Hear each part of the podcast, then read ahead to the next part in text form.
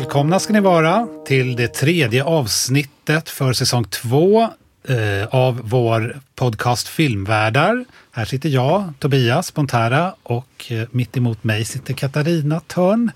Mm. Och eh, idag Är det en alldeles särskild dag? Ja, ja, det säga? är det. Och ett Ja. alldeles särskilt avsnitt. Ja, Mm, det är det. precis. Och om man hade en någon sorts livesändning där alla kunde ringa in, då skulle man kunna tänka sig att nu fick ni ringa in och säga vad är det för film. Mm. Vi ska prata om idag? Eh, Men det är det inte, så det får vi ju berätta. Vem har gjort den här filmen då? Katarina? Det är ju Ettore Scola som har gjort filmen En alldeles särskild dag. Du kan väl få briljera här lite med din italienska då säga den på. Ja, precis. Una giornata particolare. Det blir det då på italienska. Det är Mm. den italienska titeln eh, som, som eh, rakt översatt kanske skulle bli en, en särskild dag. Men Mm. filmen är ju så speciell och sådär så att det blev en alldeles särskild dag på Ja. svenska då. Ja. Och den är ju, eh, den kom ju 1977. Mm. Och eh, har Marcello Mastroianni och Sofia Loren. i huvudrollerna. Mm, Så det här var ju ett stjärnpar eh, som möttes. De hade faktiskt spelat mot varandra i filmer tidigare, men, men. Mm. så här nä- inte så här nära. Och de är ju liksom, kan man säga, out of character, vilket var väldigt liksom, omdiskuterat när filmen kom. Att de spelar Ja. alltså roller här som, som man inte fick, framförallt Mastroianni, som man inte fick, han var ju en sån här ladies man verkligen. Liksom. Och här Ja, har men jag han en tänker annan typ av också roll. Sofia Loren som ju har ändå, det jag känner till om henne är ju den här extremt glamorösa skådespelerskan som Ja, får spela en sexbarns eh, mamma och hemmafru här. Som går omkring i kanske inte så glamorös städrock och trasiga tofflor. Nej, exakt. Så Mm. det är ju fascinerande. Den här filmen är ju emellanåt utsedd då till Ettore Scolas bästa film. Men Ettore Scola har ju gjort ganska många, han har gjort många filmer, ja, enligt, som jag tycker i alla fall, och många med mig, han har gjort många bra filmer också. Mm. Så han har gjort filmer som eh, Vi som älskade varandra så mycket, den kom ju några år tidigare. Mm. Eh, sen har han gjort min favoritfilm, nej nu är det faktiskt den här som har blivit det, men innan, eh, innan jag satte mig in i den här så mycket som man ju, vi ju gör inför de här avsnitten, så var det en annan film då som heter La Familia som, han, som kom 1986 tror jag. Och sen har han gjort Fula, skitiga och elaka, han har gjort Natten i Varennes, eh, ja, många andra filmer. Så att det här är ju en av de här stora filmregissörerna då under 1900-talet i Italien. Ja. Och den här filmen är ju otroligt, alltså den är så otroligt välgjord. Eh, och en väldigt fin film. Det är en sån här film man, ja, man verkligen ska se eh, för att känna sig bättre och må Alltså den har ju en väldigt, väldigt allvarlig tematik men ändå så blir man sådär varm av den och vill ju verkligen vara tillsammans. Vi pratade ju lite innan här att vi skulle föreställa oss att vi satt i Antonietas kök Ja, medan vi sitter här och pratar. Mm. Och det är, det är också då eh, en film som, det är en sån här typ av film som man, som man verkligen både vill och som verkligen tål att ses om. Det gör den. Ja. Och för, också för att man upptäcker mycket detaljer när man ser om den, men att det här varandet i, så att säga, i den här, att man får vara hemma med dem i den här filmen, är, Ja. är på något sätt, blir starkare så att säga, när Ja, man ser om ja, den. Så det är väldigt så här, en, en, film som man ser om. Ja. ja, man får ju hänga med dem under en, en dag. Dricka kaffe och äta lunch. Och, Sen ja. är det ju ganska dramatiskt också Ja, på är det. många sätt. Och det, som du säger, det är en allvarlig film. Ja, och det Eh. är ju en omtumlande dag för dem båda. Det är ju inte vilken dag som helst. Nej, det är en sån här dag i livet när allting förändras kan man säga. En sån dag. Mm. Det är det. En alldeles särskild dag på många sätt. Det, det får vi ju faktiskt prata lite om senare kanske, att det är, det är en mångtydig titel här när man börjar tänka på det. Liksom, att det. Men jag tänker att det kan vi spara lite, utan eh, en liten handlingsbeskrivning, det är vårt signum i denna podcast. Vi har en handlingsbeskrivning i början på avsnitten. Ja, Ja, den kommer här. Den 8 maj 1938 är dagen då Hitler kommer till Rom för att besöka Mussolini och alla Roms invånare går man ur huset för att bevittna det historiska mötet. Kvar i lägenheten blir Antonietta, en hemmafru med sex barn. Trots att hon är en stor beundrare av Mussolini behöver hon stanna hemma för att ta hand om hushållssysslorna under dagen. Men av en händelse lär hon känna Gabriele som av andra skäl också stannat hemma denna dag. Han var en tidigare firad radiojournalist men har nu blivit av med arbetet misstänkt för att vara antifascist. Mötet dem emellan kommer att förändra Antonieta i grunden och när kvällen kommer har de båda upplevt en alldeles särskild dag. Mm. Så filmen utspelar sig egentligen i, ja, inte bara i en lägenhet, men i ett, i, i ett lägenhetshus. Man kan säga två lägenheter ja. på taket i trapphuset. Men, ja. men där är det. Alltså det, Den är som en teater, som ett litet kammarspel. Man, Verkligen. Man följer den. Och den har faktiskt satt upp också som teater. Det, det, det är ju faktiskt inte så förvånande. Att den, mm. Men den gånger. inleds ju väldigt annorlunda från många andra filmer för att den inleds ju med, jag tror det är 6-7 minuter lång eh, dokumentär, alltså dokumentära mm, bilder mm. som skildrar när Hitler kommer till Rom. Precis, den här det skildrar dagen. Hitlers resa med tåg ner genom Italien, alltså mm.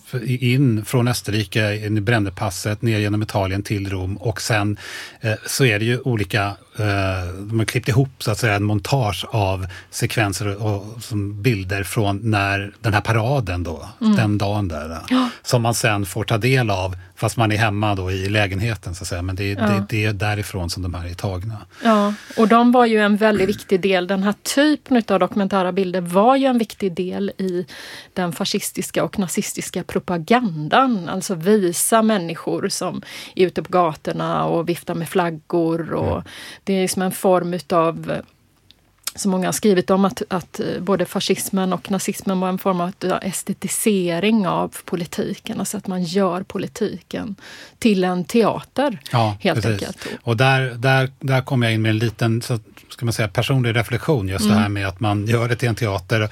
Det faller sig faktiskt så att då Hitler gör ju den här tågresan ner då från mm. eh, över Brännepasset, kommer nästa stora stad, man kommer till Bolzano sen neråt så att säga, mot Italien. Och efter Bolzano kom en stad som heter Trento. Och min pappa var sex år 1938 och mm. var i, i lågstadiet där i skolan. Och eh, de fick eh, flaggor av läraren allihopa, hela skolan och hans klass. Och ut skulle de på perrongen. Och han står då eh, där och viftar. I en av de här eh, sekvenserna så, så ser man Hitler åka förbi en station. Så, jag tror att den är i och för sig lite längre söderut, men det skulle ha kunnat vara Trento. Ja. Och det är en massa människor som står, och barn som står där och viftar. Och det kunde alltså ha varit min pappa där. Ja. Han, gjorde, han var ute här och viftade den dagen. Ja. Så det var, och det, det, och det var helt... ju inte hans egna val, utan Nej, det, det var, ju den här kommenderingen att, man skulle ut. Ja, så var det. Så ja. det var ju en iscensättning. Mm. Och så, där. så för honom var det, var det ju också, jag pratade med honom inför det här avsnittet och han, han, han har ju varit väldigt speciellt för honom att se den här filmen. Nu har inte han sett den på länge, men nu blev, mm. fick han lust att se om den. Så, ja. Eh, så att det, det, är liksom, det är märkligt. Mm. En liten parentes där, då, men ja. ändå är det ju helt skumt faktiskt. För, det, för, filmen börjar ju på det här sättet att man får se de här dokumentära bilderna under ganska lång tid. Men sen så slår den ju över till att den kommer in i det här bostadsområdet mm. där det hänger då eh, alltså flaggor mm. som är både nazistiska och fascistiska De förbereder sig ju där på morgonen för Precis. den här stora paraden som ska vara, hänger ut de här flaggorna. Precis. Det är det vi får se. Och filmen har ju också, eh, som man också tänker på, att den, den eh, Alltså den här fiktiva berättelsen har ju en annan färg. Den är ju liksom lite, det är någon slags filter på den. Eh, så att den ja. ger en ton utav att vara i, satt i en äldre ja. tid. Den är ja. inte svartvit men den är liksom lite Nej. nedtonad kan man väl säga. Mm. Jag tycker det är så fint där i början också. Det händer några gånger sen. Alltså det är en sån här liten detalj som han ägnar sig åt i Torre Skål, att han, kameran panorerar runt och letar så att säga efter det fönster som sen, ja. där, där den lägenheten är där Antonietta bor då med mm. sin familj. Men den här små panoreringarna som kameran gör runt det här bostadshuset är, är jag vet inte, det är vilsamt på något sätt. Det är någonting i det där som är, som är så fint. Ja, det händer några gånger det. under filmen. Ja. Det, men det är också det, är också det här, det visar ju, för det här är ju ett, någon sorts hyreshus som är uppbyggt som ett panoptikon nästan. De kan ju se över till varandras lägenheter. Verkligen. Ja. ja. men alla ser ju varandra. Det finns ju inte riktigt eh, någonstans att... Alltså det blir ju en väldigt offentlig privat plats på många sätt. Man hänger ja. tvätten uppe på taket och ja, sådär. Det gör de ju i och för sig ofta, i alla fall på den ja, tiden i Italien. Ja, men eh, jag tänker att kameran den zoomar ju sen in då på det här fönstret där vi får se Antonietta, vi introduceras till henne och hon är uppe, hela hennes familj sover men hon är uppe och stryker kläder då eh, för hela sin familj som ju ska gå ut på gatorna den här dagen. Och sen får man ju följa henne när hon går sin lilla morgonrunda för att väcka den här familjen. Ja, den ena efter den andra. Alltså ja. man, man, blir, man, vet ju inte i början hur många barn det är där. Nej. Det bara kommer fram den ena efter den andra. Där. Ja, det, är en, det är inte så stor lägenhet heller. Nej, så I varje inte. hörn ligger det ju någon och sover och när man tror att det är slut, för hon, till slut väcker hon ju sin man då mm. och ger honom en kopp kaffe och han skäller lite på henne för att hon inte har väckt honom tidigare. Hon säger att det har jag gjort tre gånger men mm. du har inte gått upp. Mm. Så gör hon ju en lov runt sängen och där ligger det ett till ja, barn. det ser ju ut som hon ska bädda den där sängen. Så ploppar det fram ett barn där. Liksom. Ja. De har ju sex barn, mm. den här familjen. Och i, i den fascistiska politiken vid den här tiden, det framkommer ju i den här filmen då, så, så får man ju någon form av hedersbetygelse och man får också, det är också ekonomiskt extra pengar, extra pengar ja. om man skaffar ett sjunde barn. Mm. Eh, så, och det där pratas det ju lite om i filmen också. Ja, precis. Men gud vad många barn det är den där. Och sen när de är uppe då allihopa, ja. och inklusive egentligen det sjunde barnet, för hennes man är ju också som ett barn, han ropar ju på henne, hon har ju så fullt upp med flera av de andra barnen. Och det är han som ropar tror jag. Så, Vad är mina stövlar? Det låter som en ja. liten pojke. Sådär. Ja, verkligen. Ja. Och alla ska ju få i sig frukosten ja.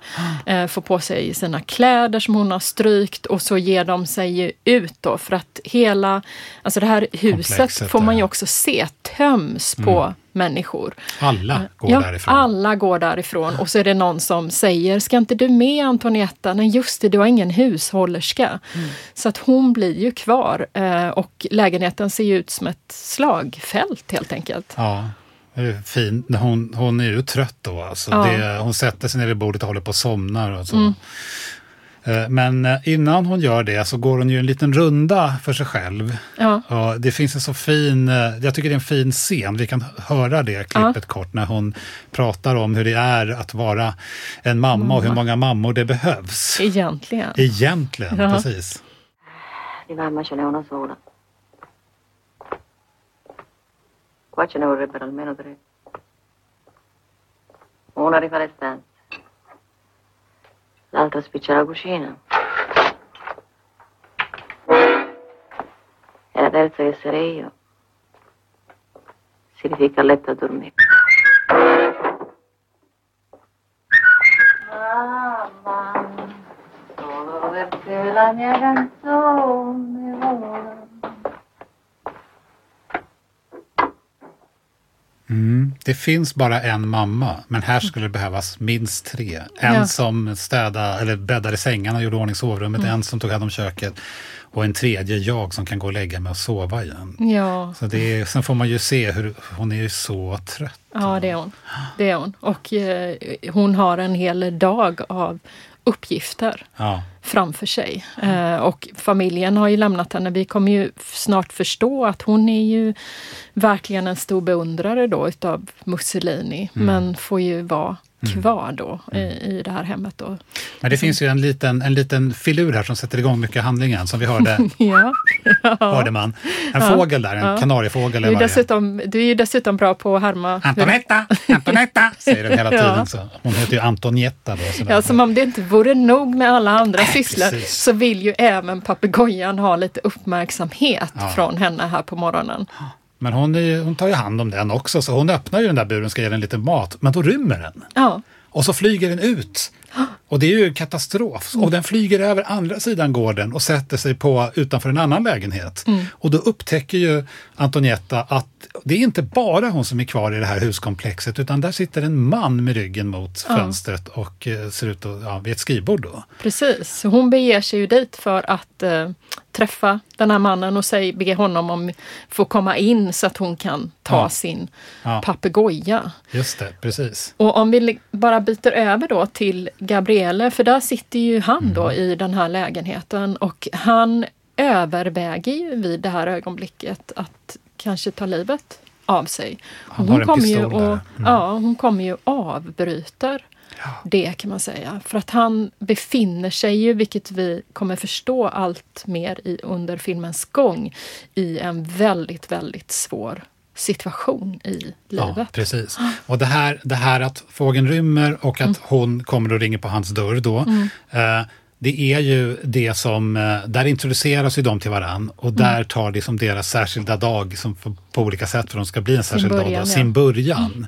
Eh, men jag tänkte att det vi kunde göra nu Mm. är ju att följa först lite grann Gabriele, som vi precis har introducerat här, eh, och, och se lite mer, vem är han? Mm. i det här. Och sen, eh, och sen så ser vi på Antonietta också. Mm. Och då kommer vi också följa lite grann deras dag när Ja. vi gör det.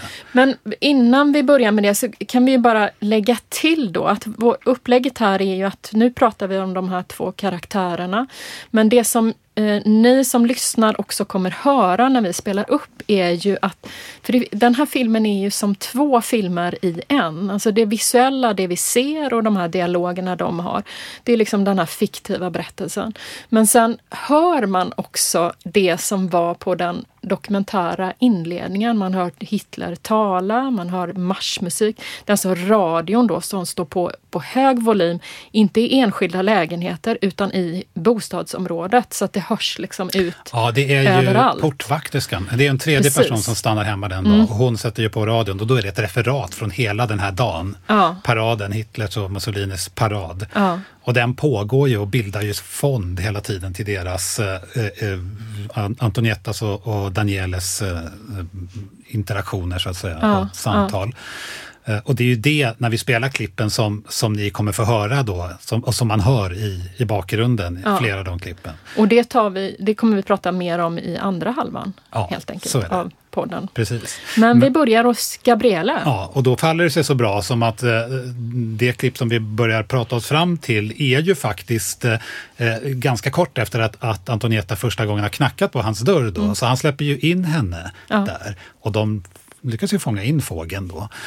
Eh, och eh, så småningom, så, och så ringer telefonen och så pratar Gabriel i telefon och de pratar lite med varandra. Hon ska gå men hon går inte riktigt. Hon Nej, och han vill där. inte riktigt Nej, att hon, för han är ju ska lite gå. lättad av att någon avbröt honom i den Ja. här destruktiva handlingen. Ja, det, han, han är ju på väg att göra en destruktiv Mm. handling. Och när man ser Gabriele sitta vid sitt först, då när, när kameran zoomar in på honom, först då ser man att han är, han är i, i ett tillstånd som är, att han är väldigt olycklig.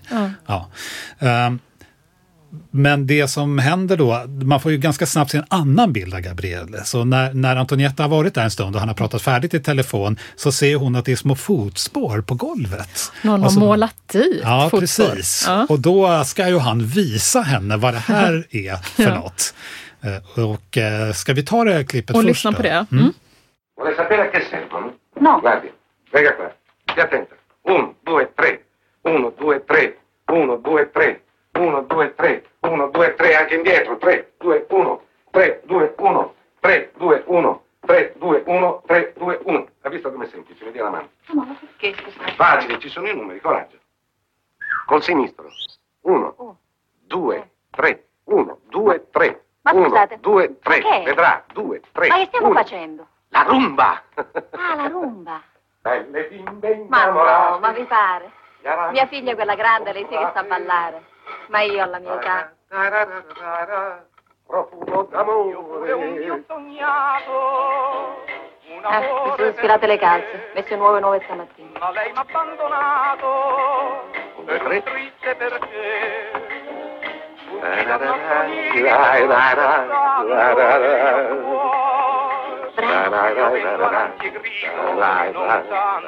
Su, proviamo, via. Su, che facile. Ja, vad gör vi, fint. frågar hon. Dansa rumba såklart, La säger han. rumba, säger han. Ser så glad ut. Ja. Och man förstår ju att denne Daniele är ju en, en levande... Gabriele. Ja, ja. Så vad sa jag då? Daniele. Daniele, ja, ja, så kan det gå. Gabriele heter han. Han är så, han är så, han är så levnadsglad i grunden. Han är ju en spelevink Mm. Som, som, som vi kommer till så småningom har hamnat i svåra omständigheter. Men han har nära till den här glädjen. Och, Verkligen. Han, alltså det är ju upprepade gånger under filmens gång som han alltså, hittar på små hyss helt enkelt. Han tar hennes, ett av hennes barns sparkcykel och cyklar runt i hennes lägenhet Ja. och han, Han ropar och plötsligt att han har fått en han stöt. Ja.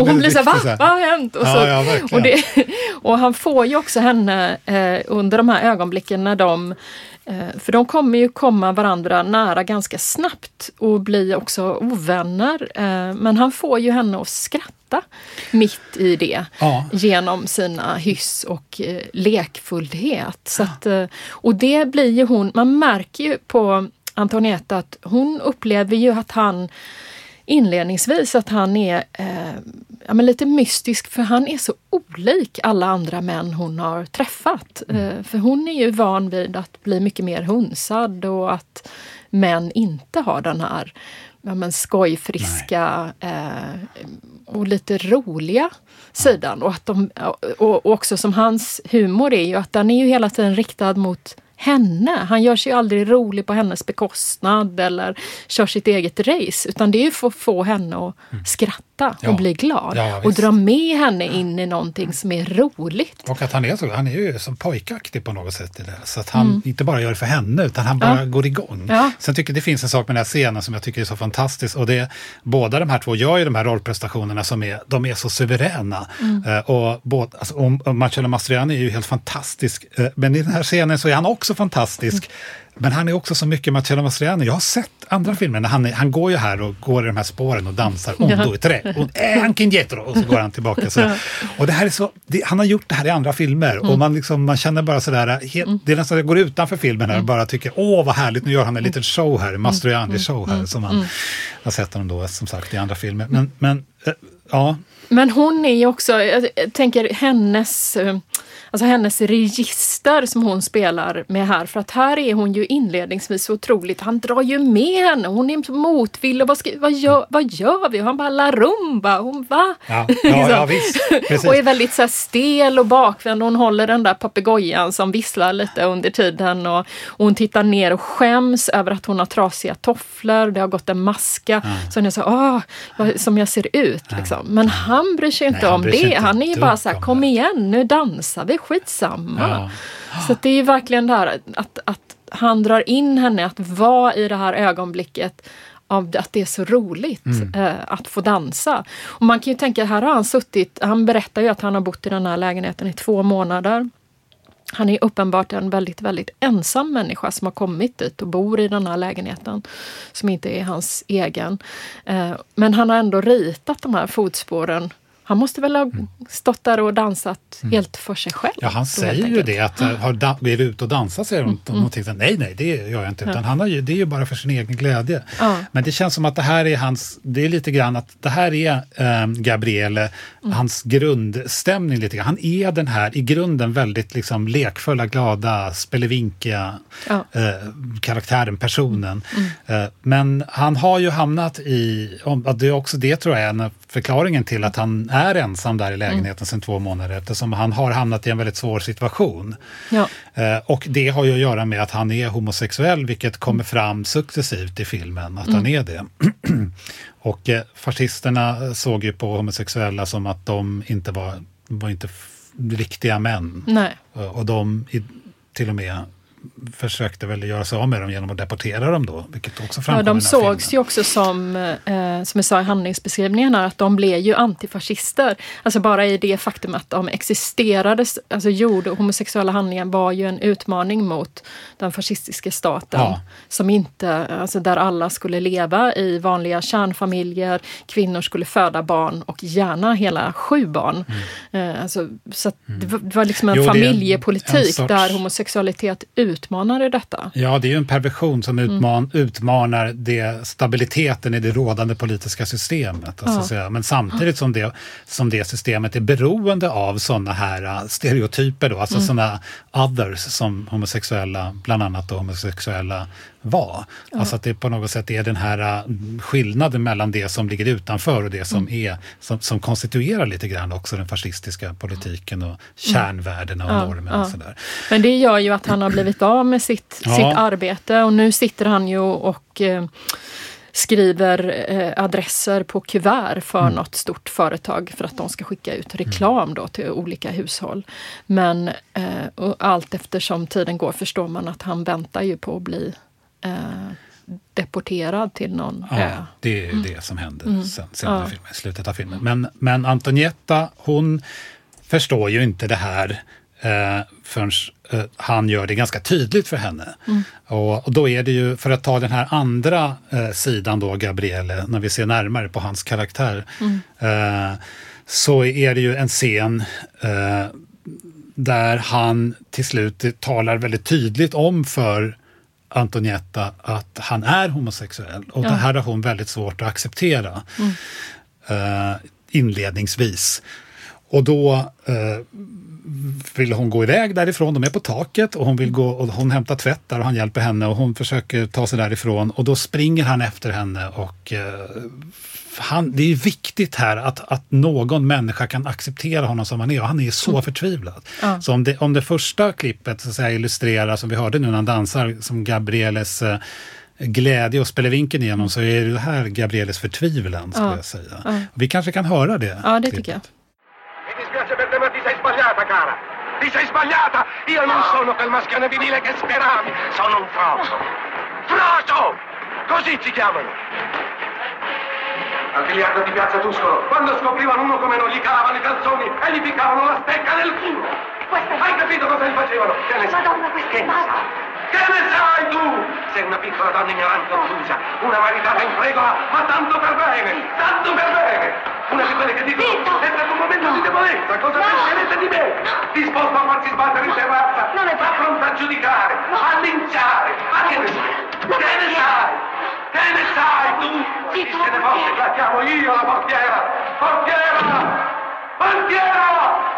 Così lo sapranno tutti finalmente che l'inquilino del sesto piano è ricchione, è Pinocchio, è invertito! Här kanske vi inte behöver liksom, referera varenda sak som sägs i det här klippet, men liksom, kärnan i det är att han, han, han skriker ut att, att det här har han har burit inom sig länge. Ja, Eh, att han. han, är homosexuell och han strunt, den här portvakterskan som man får se två gånger som kommer Mm. är ju också en person som han inte står på så god fot med Nej. och struntar i att hon hör det också. Sådär. Ja. Man kanske ska säga också att det som föregår den här scenen är ju att Antonietta har ju tagit ett steg när de är där uppe på, på taket och han hjälper henne att plocka Mm. tvätten, där hon eh, ehm, kan man säga, ett ganska drastiskt steg närmar sig honom och, och börjar kyssa honom. Och Mm. Ja, hon där är ju det här- lite attraherad hon är väldigt honom. attraherad Ja, av honom. ja. Och där kan han inte ge gensvar på det. Och då försöker han ganska lugnt först säga, du, du förstår faktiskt Mm. vad det här handlar om. Och, och sen när han säger det väldigt tydligt så får han en örfil av henne. Mm. Och det är sen den här scenen kommer. Och han är, då kommer hans förtvivlan upp. Mm. Som, han lever ju i en, i en otroligt eh, svår, närmast ohållbar situation.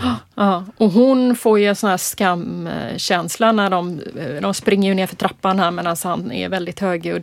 Just för att den här portvakterskan som verkligen går runt och alltså tjuvkollar och alltså håller koll på alla och skvallrar. Hon har ju varnat då Antoneta för honom och sagt att han är antifascist. Eh, Så att det är ju här på taket hon, hon förstår betydelsen i vad det betyder, alltså att det här att han är antifascist, att det är lika med då att han är homosexuell.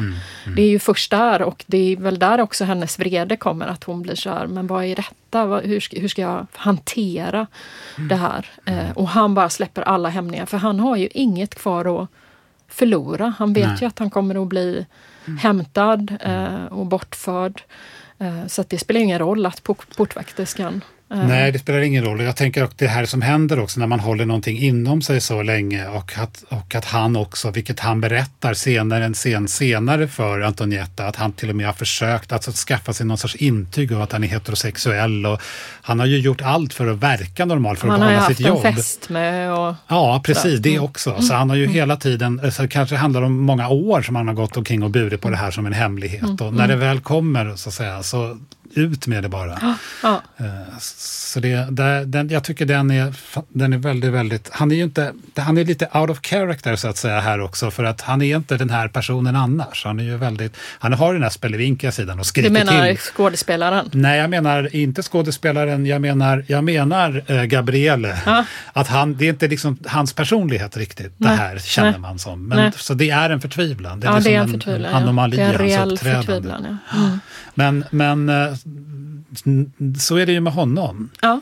Ja, Ska vi gå över till Antonietta? ja Antonietta, vem är hon?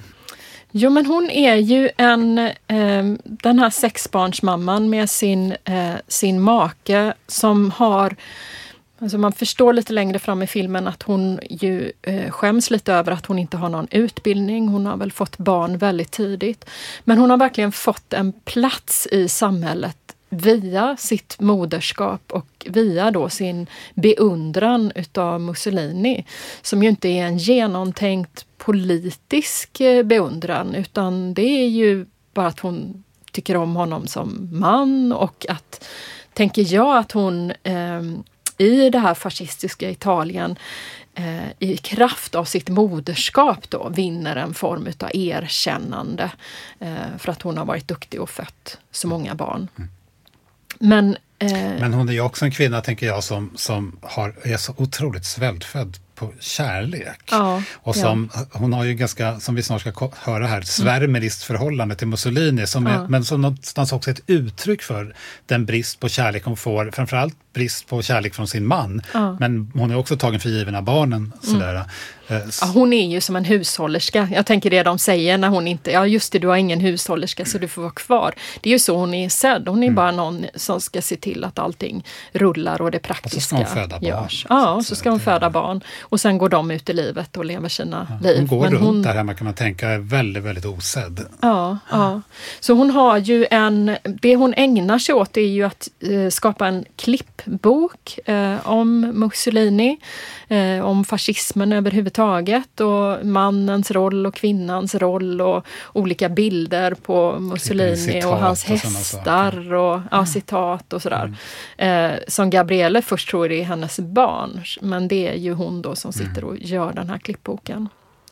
Och sen så kommer det ju då en scen där hon berättar om ett möte med Mussolini några år Mm. tidigare och hon får något lite fjärnt i blicken Mm. och berättar för eh, Gabriele att eh, hur det var, hon mötte Mussolini kom ridande, hon var i Villa Borghese som är Mm. ändå en stor, eh, kan man säga, jättelik eh, trädgård, det är väl Mm, fler parkartad trädgård, liksom mitt i Rom då.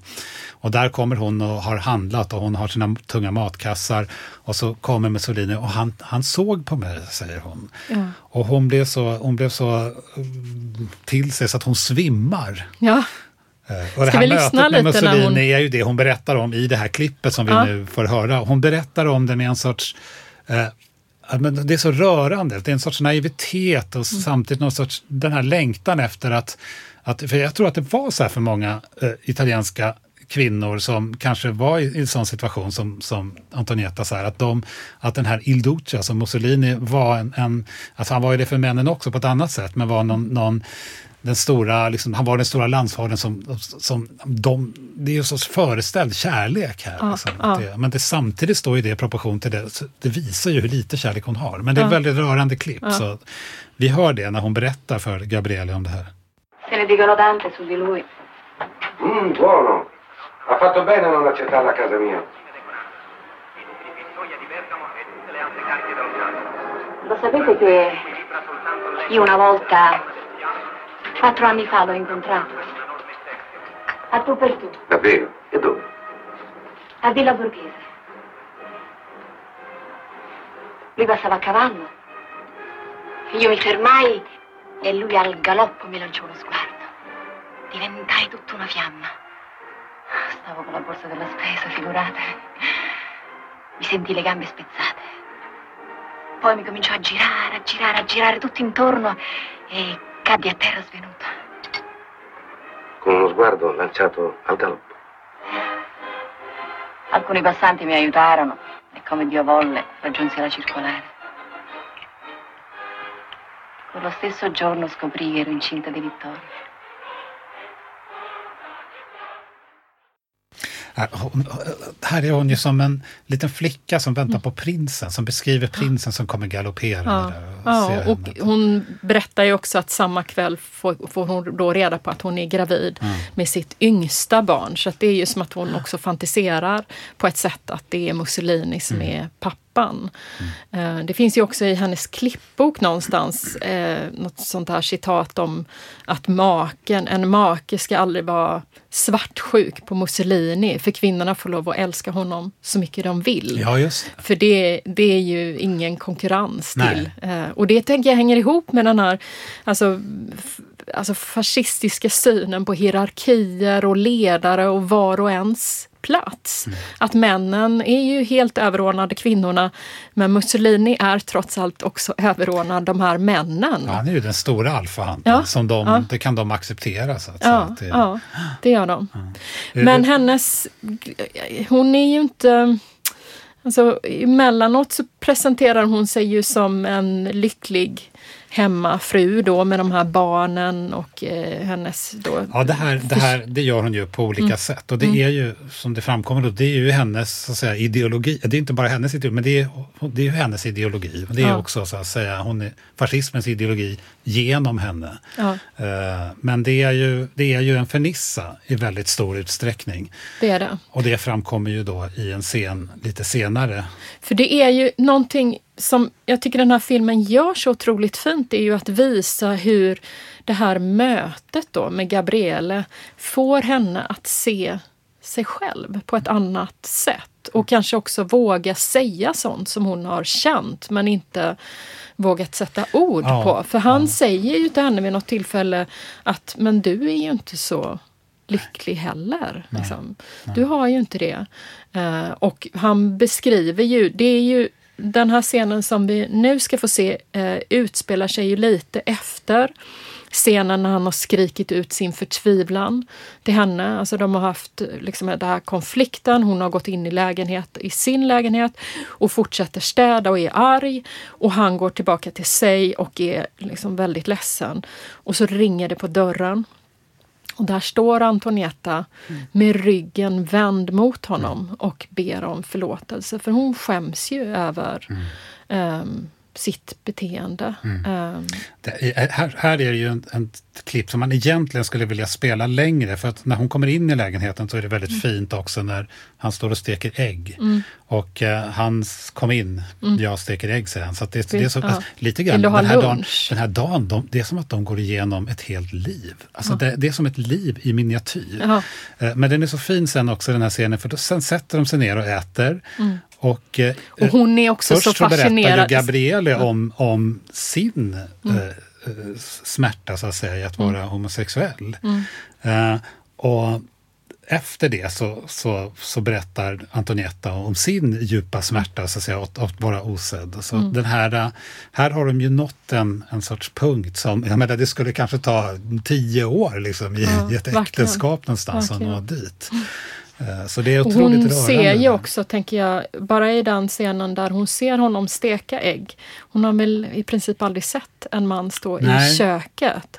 Så det är ju som att hon också tar in det här att han är en annan Alltså han är en annan manlighet än vad hon är van vid och hon blir också trygg Och i det, är ju det här hon vill vara. Så hon Ja. Mm. ger ju honom en örfil och hon, hon får ju veta från portvakterskan att han är en defaitist, hon är Mm. defaitist och så vidare. Alltså han är subversiv och han är antifascist och Mm. alltihopa. Och hennes första reaktion är sån här, den ytliga eh, liksom, ideologins fernissas Mm. reaktion på något sätt. Att hon säger, "Aj, han, nej så kan han inte vara. Hon Han är ju så trevlig. Ja. Men, men hon inser ju väldigt snabbt att det är precis den här typen av människa, den här typen av man Mm. som, som hon behöver och som hon behöver också nu eh, acceptera och närma sig. Så att, och, och gör ju alla, så att säga, kan man säga, överträdelser som man kan göra på en dag. Eh, Men, men det spelar ingen roll därför att hon förstår. Och Han är ju också den totala motsatsen mot, mot hennes man. Verkligen. Ja. Verkligen.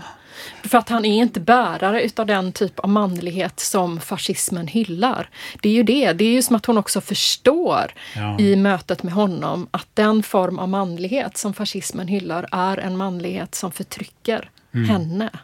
Fast här tänker jag att det är liksom, jag vet inte om hon om jag tänker mig att hon förstår det så, liksom, eller tänker på det så explicit, utan att mer att det bara, hon, hon förstår att hon har en man som inte hon har aldrig fått, precis som Gabriel inte har fått prata om sin homosexualitet, så har hon inte fått prata, eller, och ens för sig själv, eh, tydliggöra vad, vad, som är, vad är det som är fel. Så att Mm. säga. Så att det, å ena sidan så finns ju det att hon lever i ett fascistiskt system, men å andra sidan så lever hon ju ett, ett, ett liv fortfarande, även om det är präglat av det fascistiska systemet, som är så att säga, hennes liv med den här familjen, där hon är osynliggjord. Så det är liksom en högst individuellt öde som hon Ja, har också här. Och det, det, det som tycker jag är så fint i den här scenen, det som hon gör i den här scenen nu som vi ska höra eh, klippet här, det är att hon berättar hur osynlig hon är i den här familjen och hur, hur hennes man helt enkelt inte bryr sig om henne.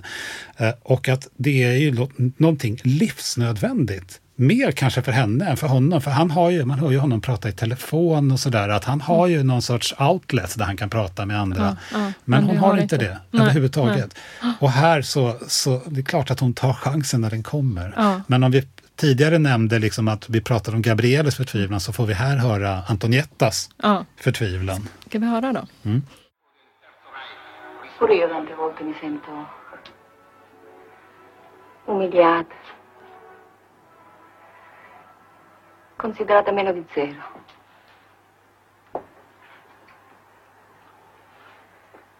Mio marito con me non parla, ordina, di giorno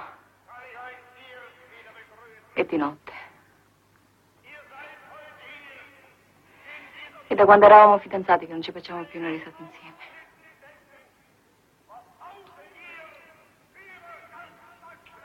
Lui ride fuori casa, con le altre. Ma come no? Är det ett helt otroligt... Det här, här, här behöver vi... Det hon pratar ju, det, det har vi ju sagt vad hon pratar om. Och så hör man, och det här går ju igenom hela filmen och det ska vi snart prata om mer om. Men så hör man alltså det här, vi kan kalla det för ljudspåret, och den här radion som står på och vi hör tyska nationalsången och vi hör Hitler börja prata. Samtidigt som här ser vi en människa, en karaktär, en kvinna som, som hur många gånger i livet anförtror man sig åt en närmast främmande person, eller någon person överhuvudtaget på det här sättet? Ja. Och det här pågår parallellt. Ja, och hon Det är man säger, ryser. precis, jo, men hon säger ju här att min man eh, talar inte med mig. Han ger mig order på dagarna och på nätterna. Mm. Och på nätterna också. Ja. Ja. Så att det är liksom att, att leva i en situation när den person som ska vara närmast bara beordrar en. Eh, och så samtidigt så hör man Hitler då. Så att han, jag tycker, tänker att han, han gör detta så fint med att väva samman det oerhört privata med det politiska, alltså hennes väldigt privata situation med den här fascistiska, hierarkiska ordningen med dyrkan och Ja, jag tycker det, det är närmast, och- Mm. alltså det är väldigt originellt att göra så. Och att nu halkar vi ju in på det här med ljudspåret. Vi, vi, Ja. vi får göra det helt enkelt, tänker jag. Ja. Det tycker jag. För det här är ju en av de stora eh, stora, vi började med att prata om den här filmen som någonting, alltså den, den skulle vara en fantastisk film, en av de bättre som jag har sett, även utan att man hade tagit till en sån här enormt originell lösning som Ettore Scola gör här. Eh, vi pratade i början om att alltså, det här är en film som man verkligen kan vara i. sådär. Men det här är ju en extra dimension. Att han gör någonting så, jag har aldrig, jag vet inte om något annat exempel där ett större delen av filmens ljudspår, om man bortser från deras dialog då, men bakgrunden här med radion som står på, är alltså dokumentär. Är referat från den här dagen. Ja. Och eh, till och med, eh, alltså, det, är, det, är, det här är inte någonting som, som, som är inspelat på 70-talet när filmen gjordes. Att det är, eh, och det, den här scenen så är det ju en av dem där det kanske blir som tydligast. Ja. Eh, Och ja, du säger att de vävs samman, men jag tycker också att han jobbar väldigt mycket med diskrepans. Här, Jo, men som precis, är intressant men det är ju mellan det. det Han- intima och det Verkligen. fascistiska, offentliga. Men det är ju genom att väva samman det som det också blir en diskrepans. Alltså det är ju det här spelet mellan som, som Ja. skapar de här Ja, spänningarna Ja, och eh, dynamiken. Jo, då. det är ju en sammanvävning. Eh, Jag vet inte, det är svårt. Det, det, som det går parallellt också. Ja? Det, ja. finns, det finns, nu är det ganska sådär, inte så många filmmusikforskare som pratar om det längre, men det finns två begrepp som man använde förr i tiden. Man pratar om parallellism och kontrapunkt i Mm. filmmusik och även ljud. Då. Och där, där det är väldigt enkelt, att par, parallellism är liksom när musik används på ett sätt som eh, som, eh, är, som motsvarar det, den stämning som finns i scenen. Medan kontrapunkt är ju en term som är hämtad från musiken då, musikteorin. Så här. Men när man pratar om filmmusik och kontrapunkt så pratar man då musik eller eventuellt ljud som motsäger väldigt mycket den stämning som finns i scenen. Och här tycker jag det är väldigt mycket kontrapunkt hela tiden. Ja. Och det är också på något sätt meningen. Då. Men det, det får ju fram den här intimiteten på något sätt ännu mer. Att, att det här ljudspåret är så, att det består av ett artilleri av fascistisk propaganda, retorik, musik eh, och så vidare. Det som Skåla gör så bra är ju att visa hur fascismen är ständigt närvarande och hur de här karaktärernas liv pågår i den här vardagen men fascismen så att säga griper in och det här ljudspåret ligger liksom som en tung, tung bakgrund till allt de gör. Men vi kan väl lyssna på eh, ett annat klipp som också visar hur det kan låta.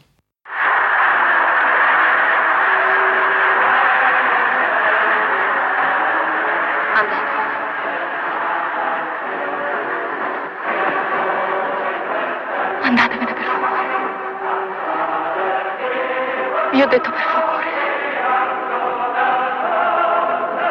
Ve ne dovete andare. Prima quando mi avete abbracciata. Ce l'avevo più con me che con voi. Perché?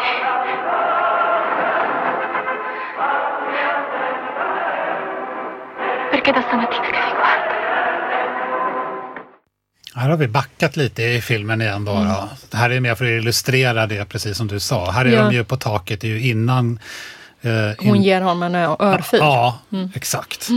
Och vad är det vi hör i det- det bakgrunden? är ju den här uh, Horst Wessel Lied som, som eh, komponerades någonstans på slutet av 20-talet tror jag. Mm. Och som sen blev någon sorts andra nationalsång för, för nazisterna. Ja. Ja, jag tänker säga lite mer om den om en stund. Mm. Men det är den vi hör här och den, den, den blir ju precis som du är inne på här en del av hela det här maskineriet, uttrycket för fascismen och i det här fallet också nazismen Mm. som, som eh, genomsyrar livet in i minsta detalj. Då. Ja, för den här filmen ska ju utspela sig på eh, 30-talet. Mussolini har suttit vid makten i 16 år eller vad det kan bli. Eh, och mm, alltså fascismen uppstår ju i Italien, alltså som ord. Det, själva ordet kommer ju från, eh, och nu är jag inte helt säker på att jag uttalar det rätt, men fasces, eh, som är några slags spöknippen som användes utav några som då kallades för liktorer som var statstjänstemän i antikens Rom. Då. Och de fungerade som några slags livvakter till den som hade makten med eh, möjlighet att bestraffa. Så att de gick ju runt med de här spöknipporna och kunde bestraffa människor. Så det är den symbolen man har tagit där det också finns den här väldigt starka, som också är typiskt för fascismen, alltså en, en stark längtan, nostalgi tillbaka till mer ärofyllda dagar. Och fascismen växer ju fram i Italien eh, från, kan man säga, växer efter första världskriget. Det är en ganska stark social oro, det finns mycket konflikter, eh, många arbetare som Alltså arbetarrörelsen växer ju också under den här tiden. Det är en hel del strejker, social oro, brist på pengar. Eh, och det finns likadan oro i de borgerliga skikten då att det ska bli revolution precis som i Ryssland.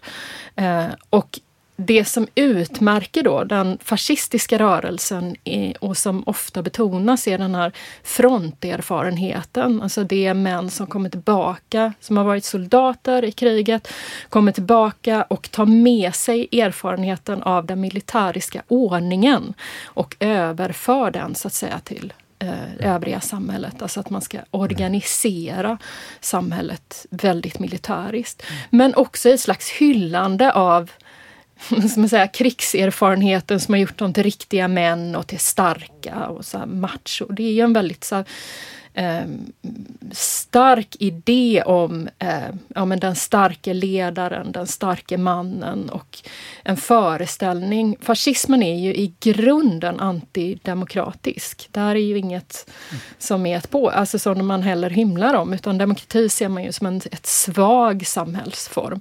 Istället så är, ska det ju vara den här ledaren som mm styr i samhället. Och, jag- och också en väldigt stark idé om att några är utvalda att leda, i huvudsak män då, och andra är utvalda att lyda. Och de ska bara liksom, lyda i samhället. Och man kan ju se i den här filmen hur Antonietta är präglad utav det. Att hon på något sätt har funnit sig i att ja, men hon tillhör de som ska lyda och vara underdåniga och Mussolini är den här stora ledargestalten. Mm, varje så att säga, människotyp har sin plats. Varje Mm. människa har sin plats i kraft av att man är kvinna eller man eller till och med homosexuell. Ja. Då är Ja. man ju utanför systemet så att säga. Ja, är, Men jag precis. tycker det är en annan sak också som är intressant med, och då är jag tillbaka lite specifikt i ljudspåret här, som också är eh, en del, en väldigt central del av fascismen, är ju eh, just den här eh, maskulinitetsnormen. En föreställning om manlighet där visst är det heroiska eh, men, men den kommer till uttryck i den här filmen på ett sätt som är, som är väldigt tydligt. Där, just därför att Torre Scola väljer att eh, helt enkelt spela upp det här referatet som det lät från den här dagen.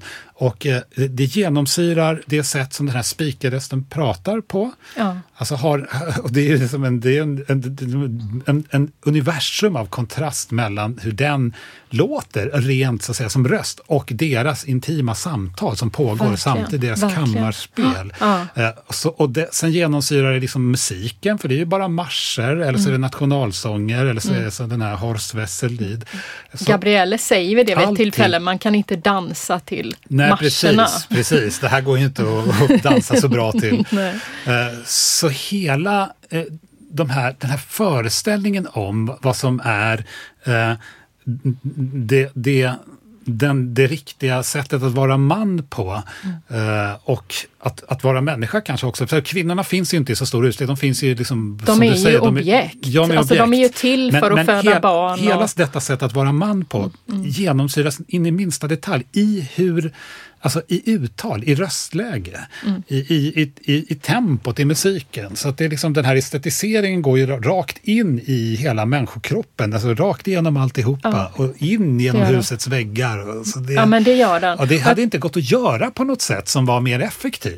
Nej. Så det är så, det är så oerhört, alltså det är ett genidrag att han, att han, att Ja, han det det. använder ljudspåret på det här sättet. Ja, men det ett är det fascistiskt ljudspår är vad det är helt enkelt. Ja men precis, och det är ju ingen tillfällighet heller att Gabrielle tidigare har varit radiopratare. Och i början så skämtar han ju lite med Antonietta och säger att ja, men han fick ju sparken för att han skrattade på radio. Och det får man ju inte göra. Nej. För att, att skratta är ju, det är ju ett hån mot, alltså i den här, som vi också pratade om i Pans labyrint, Ja, att det finns precis. liksom ingen humor. Alltså man kan inte dansa, man kan inte skratta. I, i liksom den här fascist, det är liksom det här Och det- allvaret och Ja, upp med precis. flaggan och marschera i takt. Och, Och trots allt överflöd så finns det ju ingen, liksom, det finns ingen sensualitet, det finns ingen aptit. Det är Nej. som i Pans labyrint, nu ska vi inte börja prata om den filmen, när, när, när man sitter vid ett dignande bord, den här Mm, läskiga monstret som är någon sorts symbol för fascism, men aldrig äter utan han svälter ut Mm. sig själv. Eh, Så, så den är ju antisensuell helt och hållet, medan deras, den här fiktiva alltså filmbilden, bilden. Antonietta och Gabriele, de är så sensuella. Mm, Otroligt kaffe sensuella. med små skedar. ja, och och- suger på skedarna. Ja, ja alltså visst, det är och små, deras rörelser och sådär. ja. Så det är, så, sorts mikro, men det är något mikroartat som fascismen vill åt. Den kommer inte komma åt det, men den Nej. försöker. Men då tänker jag så här, Horst Wessel-Lied. Mm. Ska vi prata lite mer om den och slutet av filmen, för det sker någonting väldigt intressant. Ja. Som, som är, något, tänker jag, är väl antagligen ganska så intenderat då av Ettore Scola. Men Horst Wessel-Lied kommer ju tillbaka, den kommer faktiskt tre gånger i filmen så vitt jag har kunnat bedöma. Den kommer precis i början och då spelas den som en del av de här journalfilmerna. Ja. Och sen kommer den här på taket och då är den också en del av ett, ett historiskt referat som man använder. Och sen på slutet så, så kommer den återigen, för det som händer på slutet är att Gabriele blir hämtad av två en sorts säkerhetspoliser. Då. Han ska ju bli förvisad till Sardinien där man då mm. uppenbarligen skickade homosexuella, förvisade dem helt enkelt. Eh, och så medan han lämnar lägenheten och går ner för trapporna, och detta ser ju också Antonietta, eh, och följd av de här två, så får man höra då Horst Wessellied eh, och så sker det någonting med den här musiken. För den, i slutet på filmen så är den också så att säga dubblerad av ett piano. Mm. Men det här pianot börjar plötsligt leva lite mer och mer successivt sitt eget liv. Och när man ser, när slu, hela, själva sista slutscenen då, när man ser Antonietta gå runt och släcka i lägenheten, då hör man bara det här pianot. Mm. Och, och, det jag tänker är att vi kan höra det här klippet och sen fundera lite över vad är det som sker här? Ja. Och då behöver man säga någonting mer om Horst Wessel men också om pianospelet.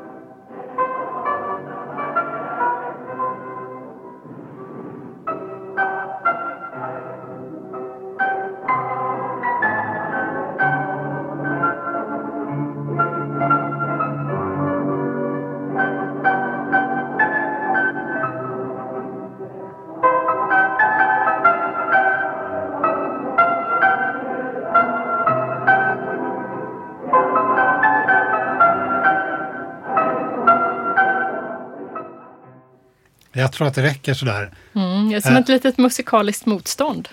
Exakt, det är ett musikaliskt motstånd. Da, da, da, da, da, da, da, Och är man den riktigt, riktigt uppmärksamma mm. ås, äh, tittaren då på den här filmen äh, har då lagt märke till, det gjorde inte jag när jag såg filmen första mm. gången, att i den scenen där Gabriele dansar, den som ja. vi pratade om tidigare, mm. lite senare i den serien så sjunger han Belle bimbi namorate. Det här är alltså någon liten slagdänga som är av helt annan kaliber än Horst Wessellied. Mm. Och det är den som kommer här. Pianot först följer det fogligt, så att säga, musiken, Horst ja. Wessellied, ja. och sen så, så börjar det leva sitt eget liv. Mm. Jag tänkte, Horst Wessellied måste vi säga kort någonting om här också, för att eh, det är ju eh, en oerhört central liten sång i, för nazismen. Det, som jag nämnde tidigare, en sorts andra nationalsång efter ja. Deutschland, Deutschland über alles. Då. Eh, och eh, det är faktiskt så, som jag har förstått att Hitler eh, beslutade själv i vilket tempo den här sången skulle sjungas. Mm. Så viktigt var det. Och eh, höga nazistledare eh, var väldigt, väldigt noga med hur den här eh, sången användes. Och det ska alltså ha varit så, som ett exempel då, finns flera uppenbarligen, eh, att en jazzmusiker i Tyskland eh, under, på 30-talet hade gjort en sorts jazzversion av den här eh, Horst Wesselid och blev alltså förvisad från Tyskland på grund av det här. Mm. Och det här tänker jag att Ettore Scola har eh, känt till när han gör ett sånt här slut, så det här som du säger, politiska motståndet, där ja. musiken först följer och sen börjar den, och sen kommer den här Belli Bimbi Namorate, Di Aranci Comprate, Hanno un magico sapore, Don Bacio d'amore, alltså vackra eh, flickor som är förälskade. Um, um, apelsinerna som är köpta har en magisk uh, doft av uh, en, en, en kärlekskyss. Ja. Det vill säga, här har, vi, här har vi kärlekskyssar och smaken och doften av apelsin. Allt det där sensuella. Och Gabriele, han är ju så sensuell när han dansar och han sjunger den här också. Mm. Och det är det här som på något sätt, och, eh, och vad heter hon, Antonietta är ju som en liten förälskad, väldigt vacker flicka också på ett väldigt fint sätt. Ja, jag tänker, tänker att den här, eh, alltså själva sången ehm, eh, beskriver ju hur, alltså nazisternas kamp mot kommunisterna och som jag har förstått det så mm. blir, blir ju han Horst Wessel då mördad mm. och upp framhålls som en martyr så att den blir också laddad mm. på det sättet. Och om du läste några rader ju den här andra italienska melodin så att i, i den här så eh, lyder ju till exempel en, en rad Håll gatan fri för den bruna bataljonen.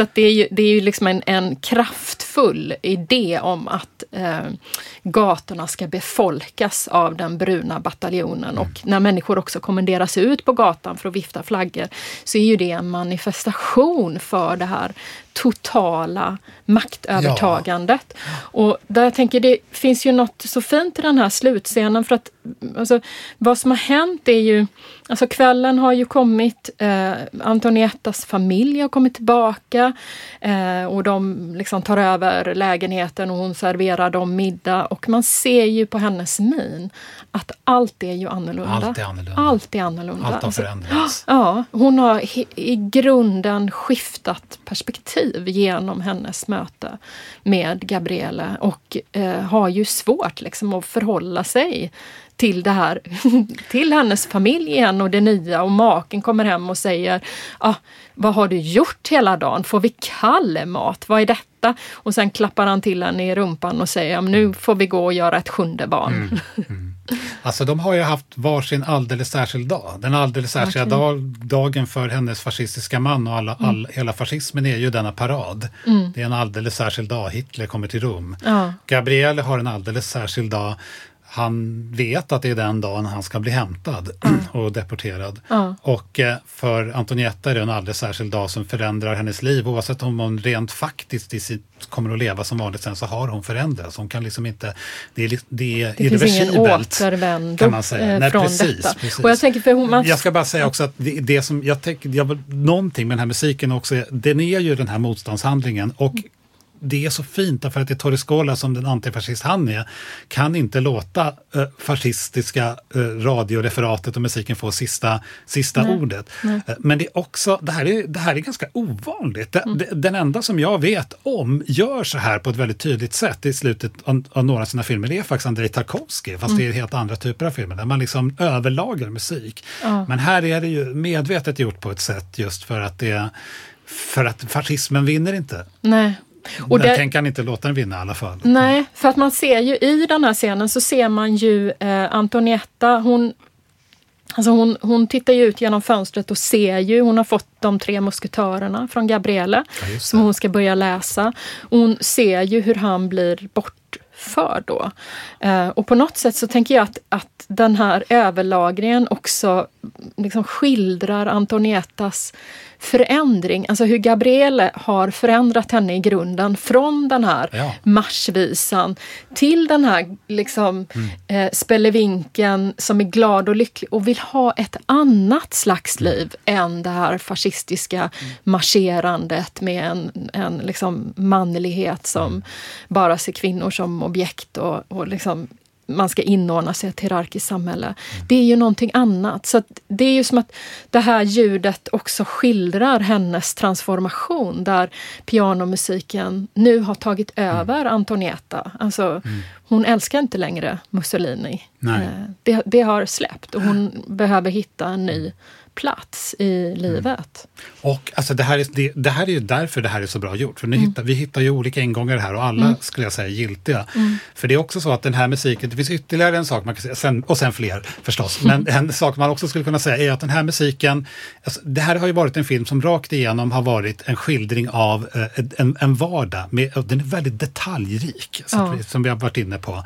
Eh, och, och den här lilla sången, och den är ju som sagt också en del av den här scenen när Dan, Daniel, Gabriele sjunger då. Eh, den är ju en del av det här vardagslivet. Alltså det här livet som man lever i en värld som inte är fascistisk. Ja.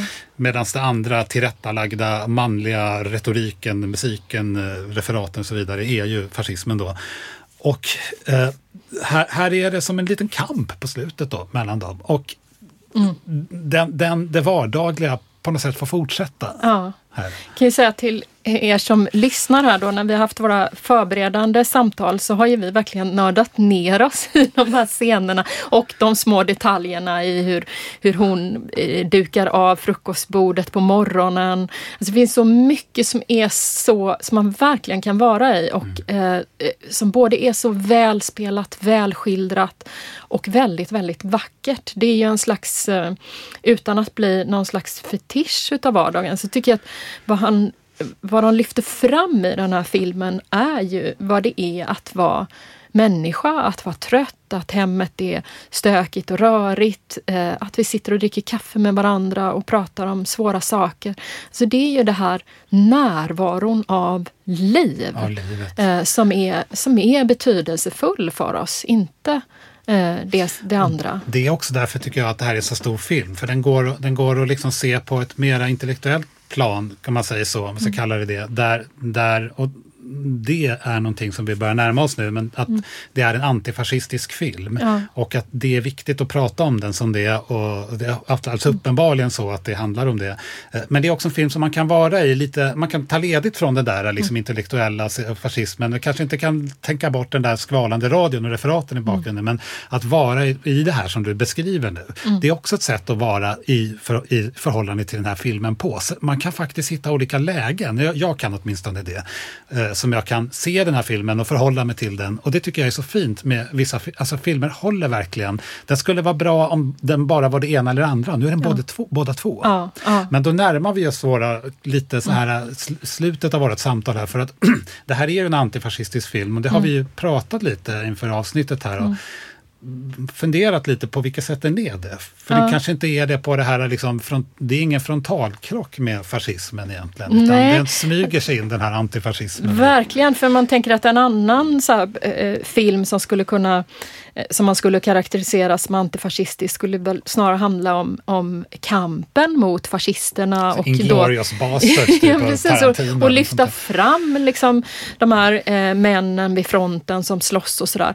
I den här filmen så lyfter eh, ju Ettore Scola fram en homosexuell man och en hemmafru med sex barn som älskar Mussolini. Det är de två personerna som får stå för eh, alltså ett, ett, ett liksom motstånd mot fascismen och inte ett uttalat politiskt sådant utan bara genom det sätt de är på och l- liksom försöker leva sina liv så kommer det att utgöra motståndshandlingar. Och det är ju väldigt välskildrat på det sättet och också behövligt, tänker jag. Därför att den andra varianten riskerar ju att också lyfta fram återigen alltså kampen och, och, och ofta män då som, som liksom... Här är det någonting helt annat som fokuseras på. Jag tänker på att den tar på ett väldigt, väldigt vänligt och stillsamt sätt livet av fascismen. Det här skulle funka som en antifascistisk film. Eh, Sen är, det- sen är det just det här att, att den är så effektivt eh, konstruerad. Efter att den skulle ha funkat som en antifascistisk film om det inte hade varit om- om ett hållskala hade valt att inte ha den här typen av väldigt originella då, ljudspår i bakgrunden. Referatet där och så vidare, marscherna. Eh, Men det är, ju, det är ju den här diskrepansen som, som också blir förutsättningen för att det är ändå i allt det här är en så knivskarp kritik av fascismen. Därför att den, den, den, den försöker liksom inte på något tesartat sätt att, så att säga,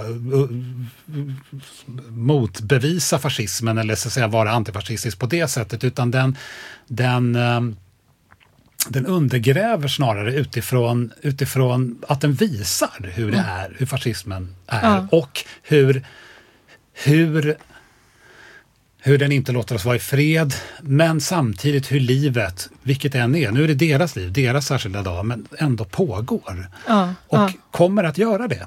Ja. Alltid. Det går inte att förtrycka bort. Alltså det, det, man kan ju säga, vi kan säga så mycket och du talade ju väldigt, väldigt bra här och upplysande om fascismen eh, alldeles nyligen, nyss. Eh, men är det någonting den är så är det ju förtryckande. Och den kommer aldrig att lyckas. Men jag tänker, för någonting som jag eh, funderade på när jag tänkte på den här filmen och återigen blir det en referens tillbaka till Pans labyrint. Men då pratar vi ju om det här vad det är att drömma under fascismen och du sa någon gång under våra samtal där, vad är det att leva under fascismen? Och jag kom att tänka på ett citat då från en fransk filosof som heter Michel Foucault Foucault, ehm, som har skrivit en kort text eh, som egentligen är ett förord, men där pratar han om det här vad det är att leva ett icke-fascistiskt liv. Och nu är det inte antifascism, alltså ingen kamp mot fascismen, utan vad är det att försöka leva ett liv som inte är fascistiskt och som ju är eh, tar fasta på det vardagliga. Och då skriver han så här, alltså han talar om den fascism som potentiellt finns inom oss alla, i våra huvuden, i våra vardagliga handlingar. Fascismen som får oss att älska makt och som får oss att vilja ha det som dominerar och exploaterar oss. Och jag tänker att den här filmen är så mycket det, att den försöker visa eh, hur lätt det är. Väldigt många av de som går ut på gatorna är ju inga uttalade fascister. Antonetta är ju definitivt inte det. Och ändå så är hon det på ett sätt för att hon stödjer den. Men under den här dagen så kommer hon att se någonting. Via Gabrielle så ser hon någonting annat. Mm. Uh, och det tänker jag är en så viktig fråga, inte minst i de här tiderna vi lever i nu. Att faktiskt fundera över det. Vad är det att leva mm. Ett icke-fascistiskt liv? Och hur kan man själv tänka på att inte men, alltså vad man gör för vardagliga handlingar, vad det är som får oss att älska eller bli betagna av makt, som Foucault mm. också talar om.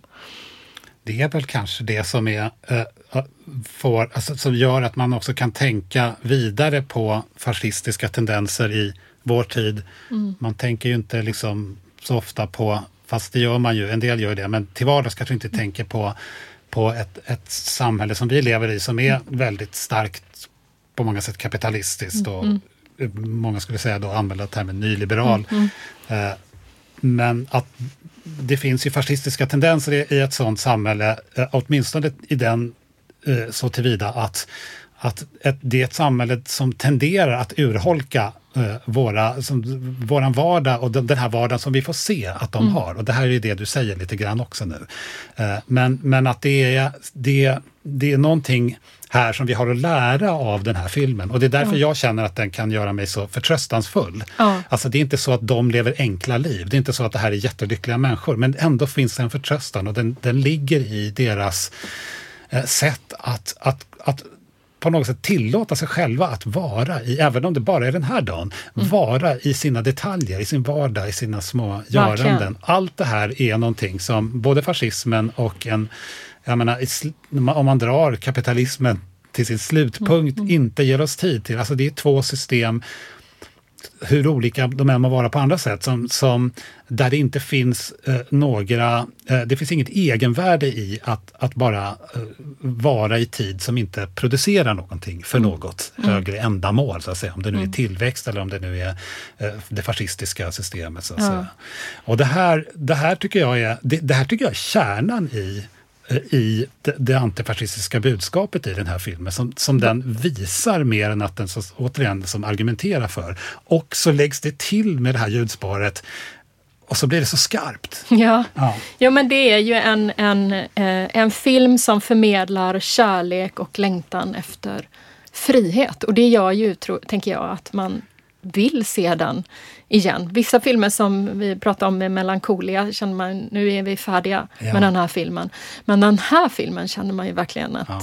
skulle kunna se den ja. direkt efter vi har pratat här Absolut. ännu en gång. Det kan vara Men... så att efter det här så går vi och dricker kaffe med sked.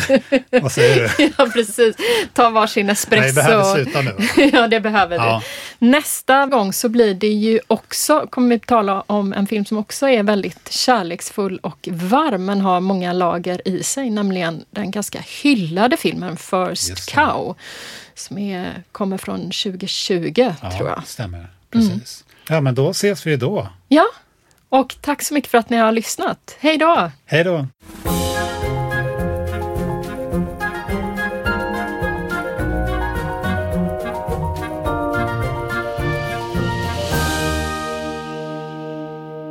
Den här podden produceras av Medieteknik vid Göteborgs universitet med bidrag ur stiftelsen Gustav Adolf Bratts föreläsningsfond och Institutionen för kulturvetenskaper.